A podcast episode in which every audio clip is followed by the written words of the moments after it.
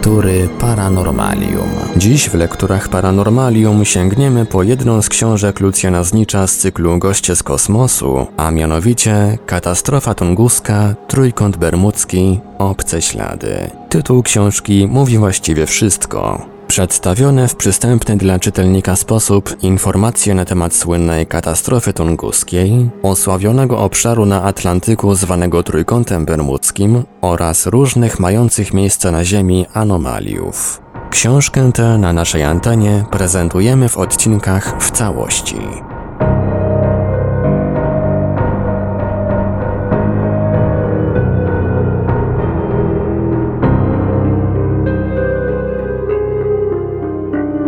Twór z dziesięcioma łapkami. Ostatni wreszcie przejaw życia, który zamierzam tu omówić, nie wymaga już żadnych ogródkowych pytań na temat swego pochodzenia. Tym razem sprawa jest wyjątkowo jasna. Albo rzeczywiście jakaś żywa istota została wessana z kosmosu, albo cała ta niezwykła historia została wyssana z palca. Cała sprawa sięga jeszcze roku 1959.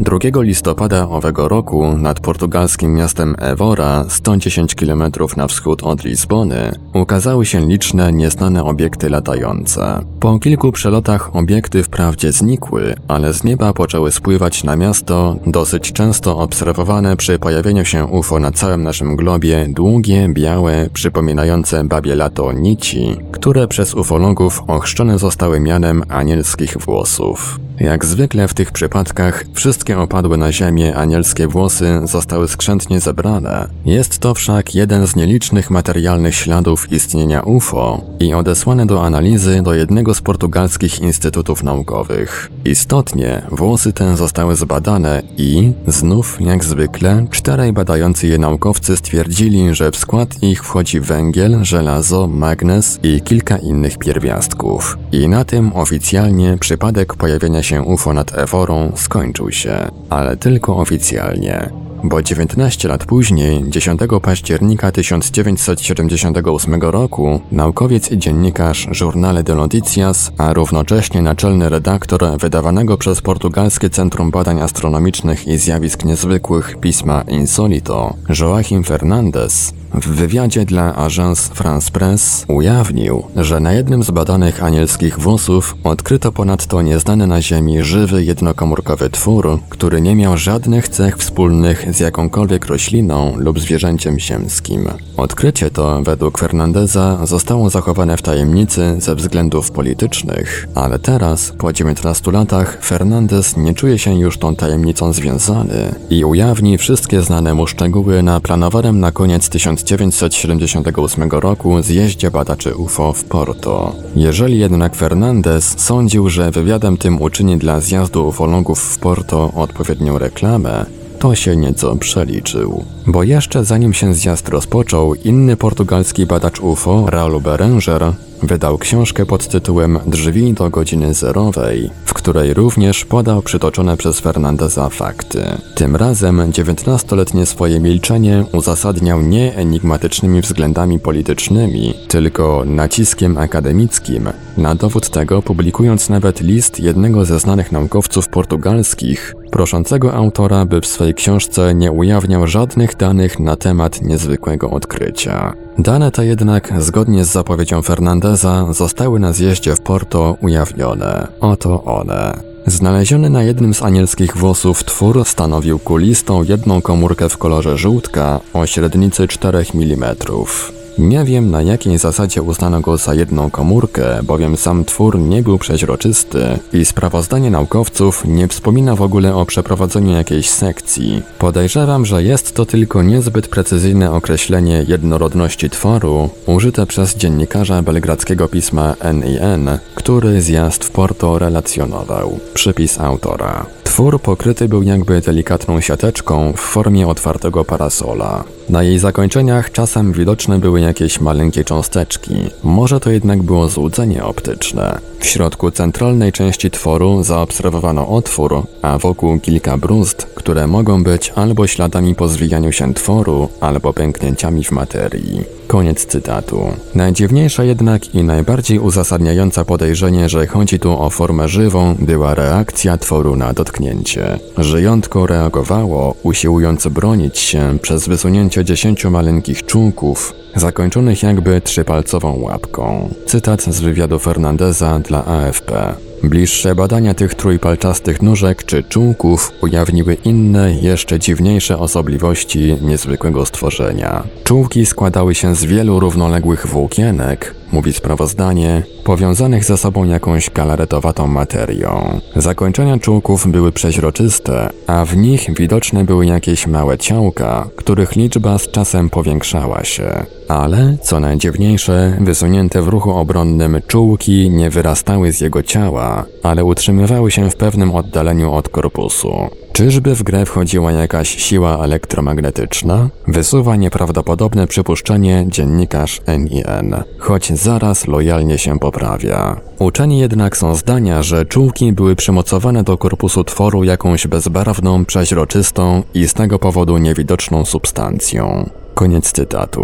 Nie wiem, czy czytelnicy zwrócili uwagę na konsekwentnie stosowane w całym tym opisie czas przeszły, nie bez kozery. Odkrycie zostało dokonane, pozwolę to sobie jeszcze raz powtórzyć, 2 listopada 1959 roku. W momencie, gdy naukowcy rozpoczęli swe pierwsze obserwacje, stworzenie było niewątpliwie żywe, ale niedługo. Z głodu, a może z powodu innych warunków panujących na naszym globie, ileż dalibyśmy za możliwość wyjaśnienia tej kwestii, przestało wkrótce reagować na bodźce. Badacze doszli snać do wniosku, że jest to oznaka jego śmierci i zostało odpowiednio zakonserwowane. Niestety, nawet mimo tej konserwacji zmiany postępowały nadal. Z czasem zaczęła występować zmiana barwy tworu. Czytamy w zakończeniu opublikowanego przez Fernandeza podobno oryginalnego sprawozdania badających istotę naukowców. Na początku centralna jego część była koloru żółtka,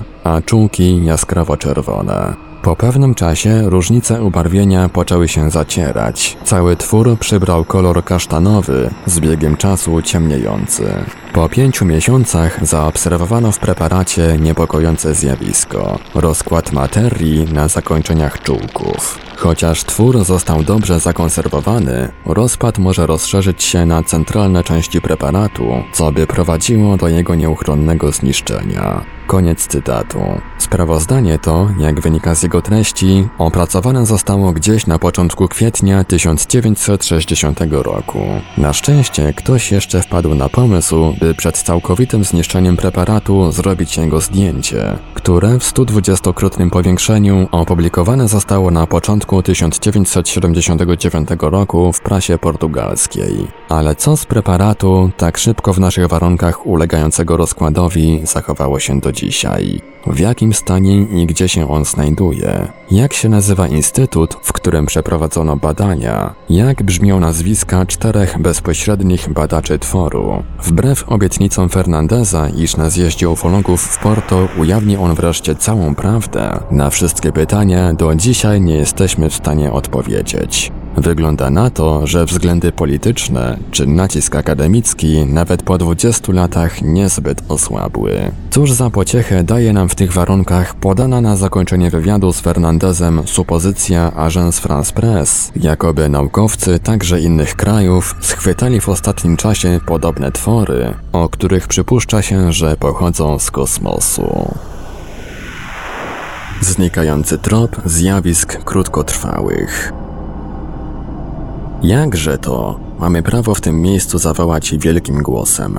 Więc nie tylko nie można oczekiwać od szczególnie predestynowanych przecież do tego naukowców rozwiązania tak frapujących zagadek, ale jeszcze trzeba je właśnie przed naukowcami chronić, by z jakichś im tylko wiadomych względów nie pogrzebali ich w tajemnicy? Jakiż więc właściwie jest stosunek nauki do tego rodzaju niezwykłych wypadków? Gdyby więcej uczonych z taką samą jak Hempgood zaciekłością i bez uprzedzeń starało się wyjaśnić niektóre niezwykłe sprawy w historii świata, pisał swego czasu na ten temat w związku z pracą Hapgooda nad odkryciem tajemnicy map Piri Reisa Remy Chavin, otrzymalibyśmy plon w postaci olbrzymiej ilości faktów, które postawiłyby zresztą przed nami nowe, niepokojące pytania. Czyż nie byłaby to z naukowego punktu widzenia postawa bardziej uczciwa niż odrzucanie wszystkiego bez próby zbadania faktów tylko dlatego, że nie ma ich w słowniku pojęć, które już zostały swego czasu opracowane?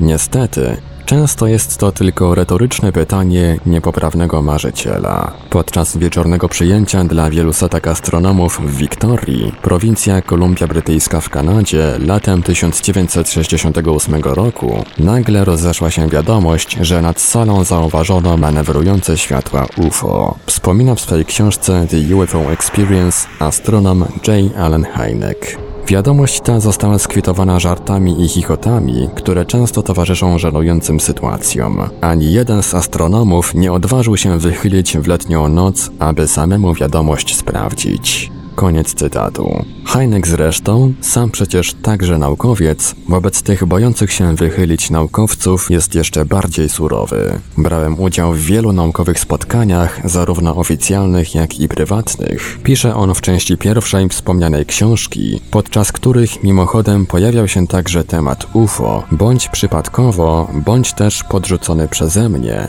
aby móc zaobserwować reakcję. To była świetna zabawa, wbijać kij w Często reakcja przypominała zachowanie się dzieci poniżej wieku nastolatków, którym pokazano na filmie niezrozumiałe jeszcze dla nich w tym wieku sceny erotyczne lub o szczególnym padosie. Chichoty i oglądanie się oznaczało samoobronę przed tym, czego naukowcy nie byli w stanie zrozumieć.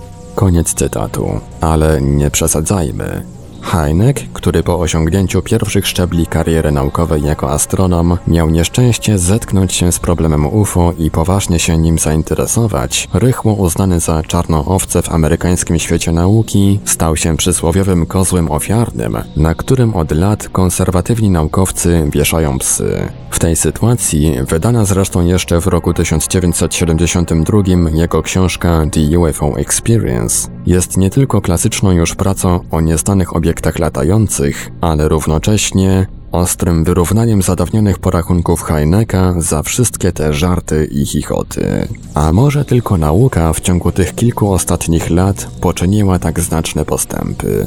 Bo jak inaczej wytłumaczyć fakt, iż w zorganizowanych w grudniu 1978 roku Międzynarodowych Dniach Zjawisk Ponadnaturalnych, w których z reguły brali udział różnego rodzaju wróżbici, media, astrologowie i wysłannicy metafizycznych sekt, tym razem uczestniczyło ponad 100 naukowców, z najbardziej renomowanych uniwersytetów świata, swobodnie omawiających, jak to podkreślił w przemówieniu inauguracyjnym belgijski psycholog profesor Dirkens, możliwości życia pozagrobowego, reinkarnacji, niektóre aspekty astrologiczne i metapsychozę. Wydaje mi się jednak, że zarówno sarkastyczna ocena Heineka, jak i szokujące niemal dni zjawisk ponadnaturalnych to tylko dwa skrajne bieguny naszego świata naukowego. Wyrazem przekonań jego centrum jest chyba wypowiedź naukowca radzieckiego, członka Moskiewskiego Towarzystwa Badaczy Przyrody, Władimira Rubcowa. Badanie wielu niezwykłych wypadków stanowi poważną trudność dla tradycyjnej metodologii naukowej. Stwierdza on w związku z opublikowanymi przez prasę radziecką w roku 1978 informacjami na temat kilku krótkotrwałych, niezwykłych zjawisk. Uznając zasadniczą rolę praw statystycznych w procesach ruchu i wzajemnego wpływu cząstek elementarnych w ewolucji biologicznej i temu podobne, nauka współczesna jakby pozostawia w cieniu drugą twarz przypadku, niezwykłych i w większości niepowtarzalnych, przynajmniej w warunkach kontrolowanych przez eksperymentatora, wyjątków z reguł.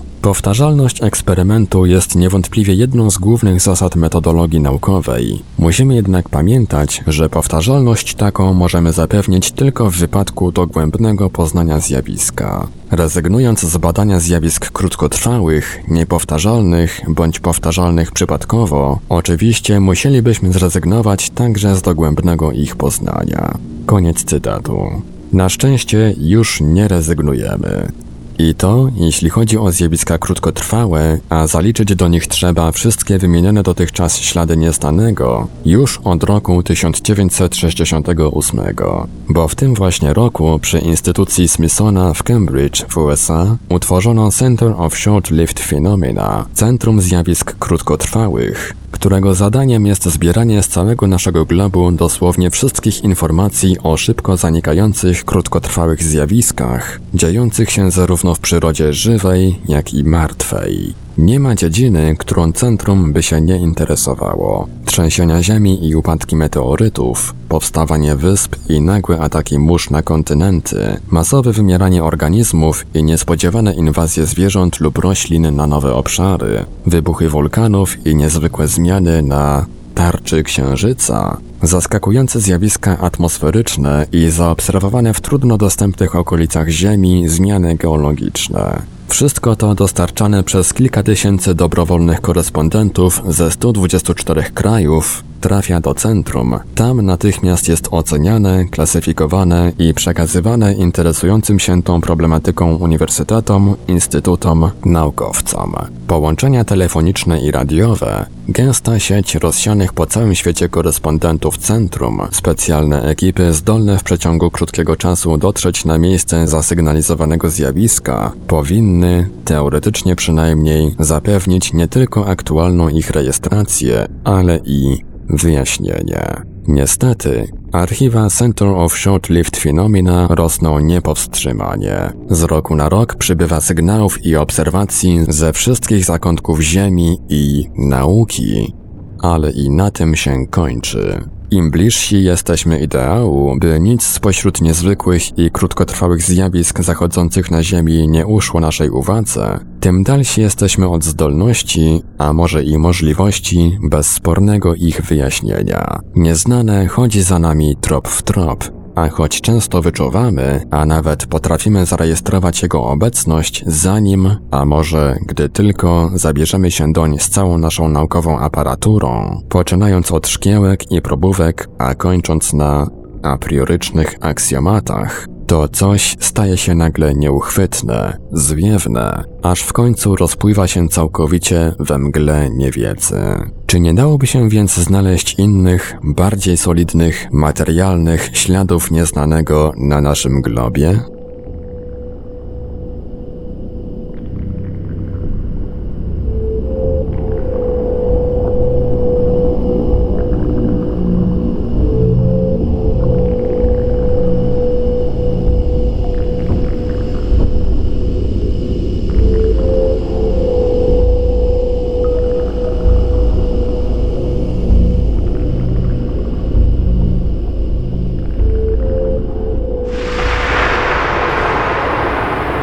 Lektury Paranormalium.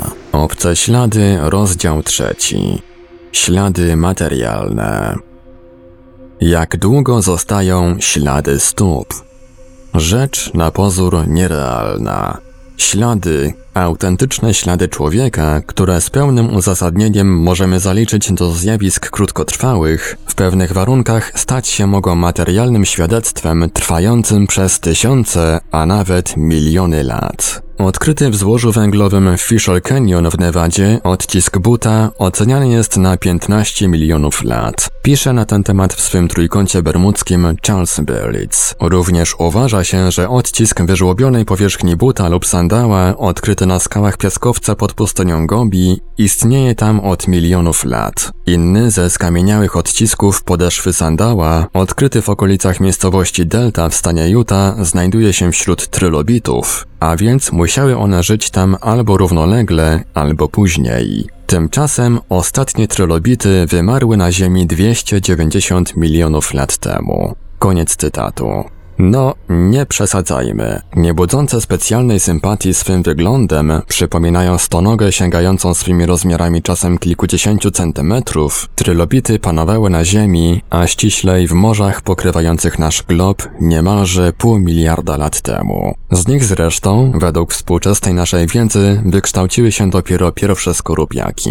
Mówić więc o człowieku, który chodził po naszym globie przed trylobitami, a nawet i bezpośrednio po ich śmierci, która całą tę gromadę, według współczesnej chronologii, zniosła ostatecznie z powierzchni naszego globu około 182 milionów lat temu, rzeczywiście wydaje się lekką przesadą. Ale zwróćmy uwagę na fakt, że i dziś jeszcze często znajdowane są tak zwane kamienne strzałki, stanowiące podstawową część muszli głowonoga belemnita, który również nie żyje na Ziemi już co najmniej od 58 milionów lat. Kto wie, jakby zareagował archeolog przyszłości, gdyby udało mu się za tysiąc lat odkryć na jednym poziomie rostrum belemnita, kamienną strzałkę i ślad Adidasa. A więc co, piramidalna pomyłka czy wierutna bzdura? Nie mówię już w ogóle o równoległości życia człowieka z trylobitami, ale nawet istnienie jego na Ziemi przed kilkunastu milionami lat zakrawa przecież na całkowitą herezję,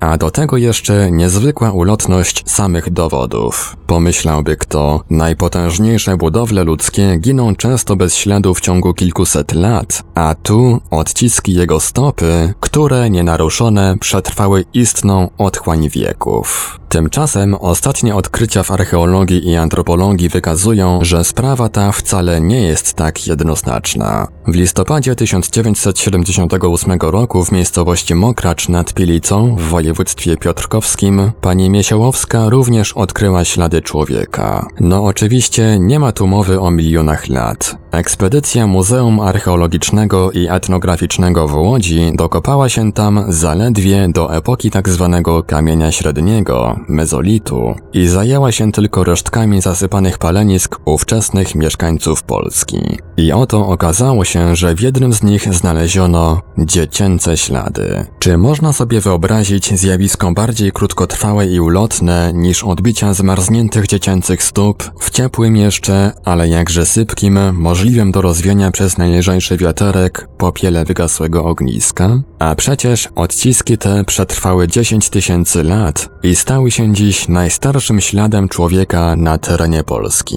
No ale oczywiście gdzie 10 tysięcy lat, a gdzie ich miliony, którymi tak hojnie szafuje Berlitz. Jednak nie radzę zbyt pochopnie go negować. Odcisk stopy ludzkiej odkryty przez Miesiołowską jest wprawdzie w chwili obecnej najstarszym śladem człowieka na terenie Polski, ale daleko mu do tego tytułu w skali globu. Znane już są od dobrych kilku lat odciski bosych stóp człowieka, pozostawione od 50 do 100 tysięcy lat temu w jaskiniach we wschodnich Karpatach i nad Bajkałem. W roku 1974 polująca już od lat na najdalszych przodków człowieka rodzina Liki odkryła w rejonie jeziora Wiktorii w Kenii ślad stopy człowieka odciśnięty w wilgotnym piasku, który następnie przekształcił się w skałę sprzed pół miliona lat. A cztery lata później, w roku 1978, uczestnicząca również w pierwszym odkryciu dr Mary Leakey dogrzebała się śladów ludzkich pozostawionych również w popiele tyle że wulkanicznym w Tanzanii, których wiek oceniła na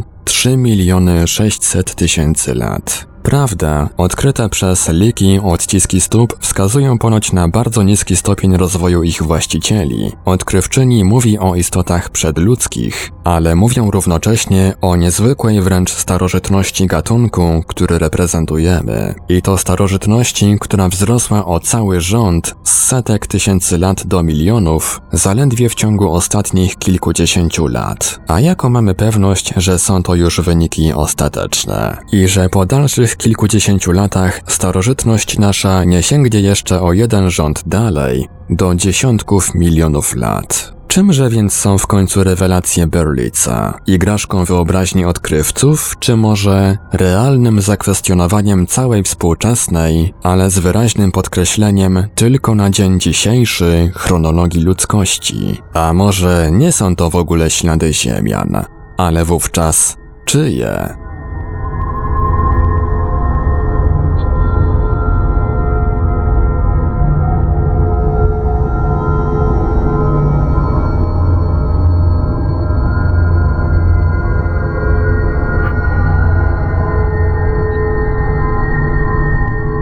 Radiu Paranormalium zaprezentowaliśmy fragment książki Lucjana Znicza Katastrofa Tunguska, Trójkąt Bermudzki, Obce Ślady. Dalszy ciąg w kolejnym odcinku Lektur Paranormalium. Archiwalne odcinki Lektur Paranormalium znajdziesz do pobrania w archiwum naszego radia na stronie www.paranormalium.pl.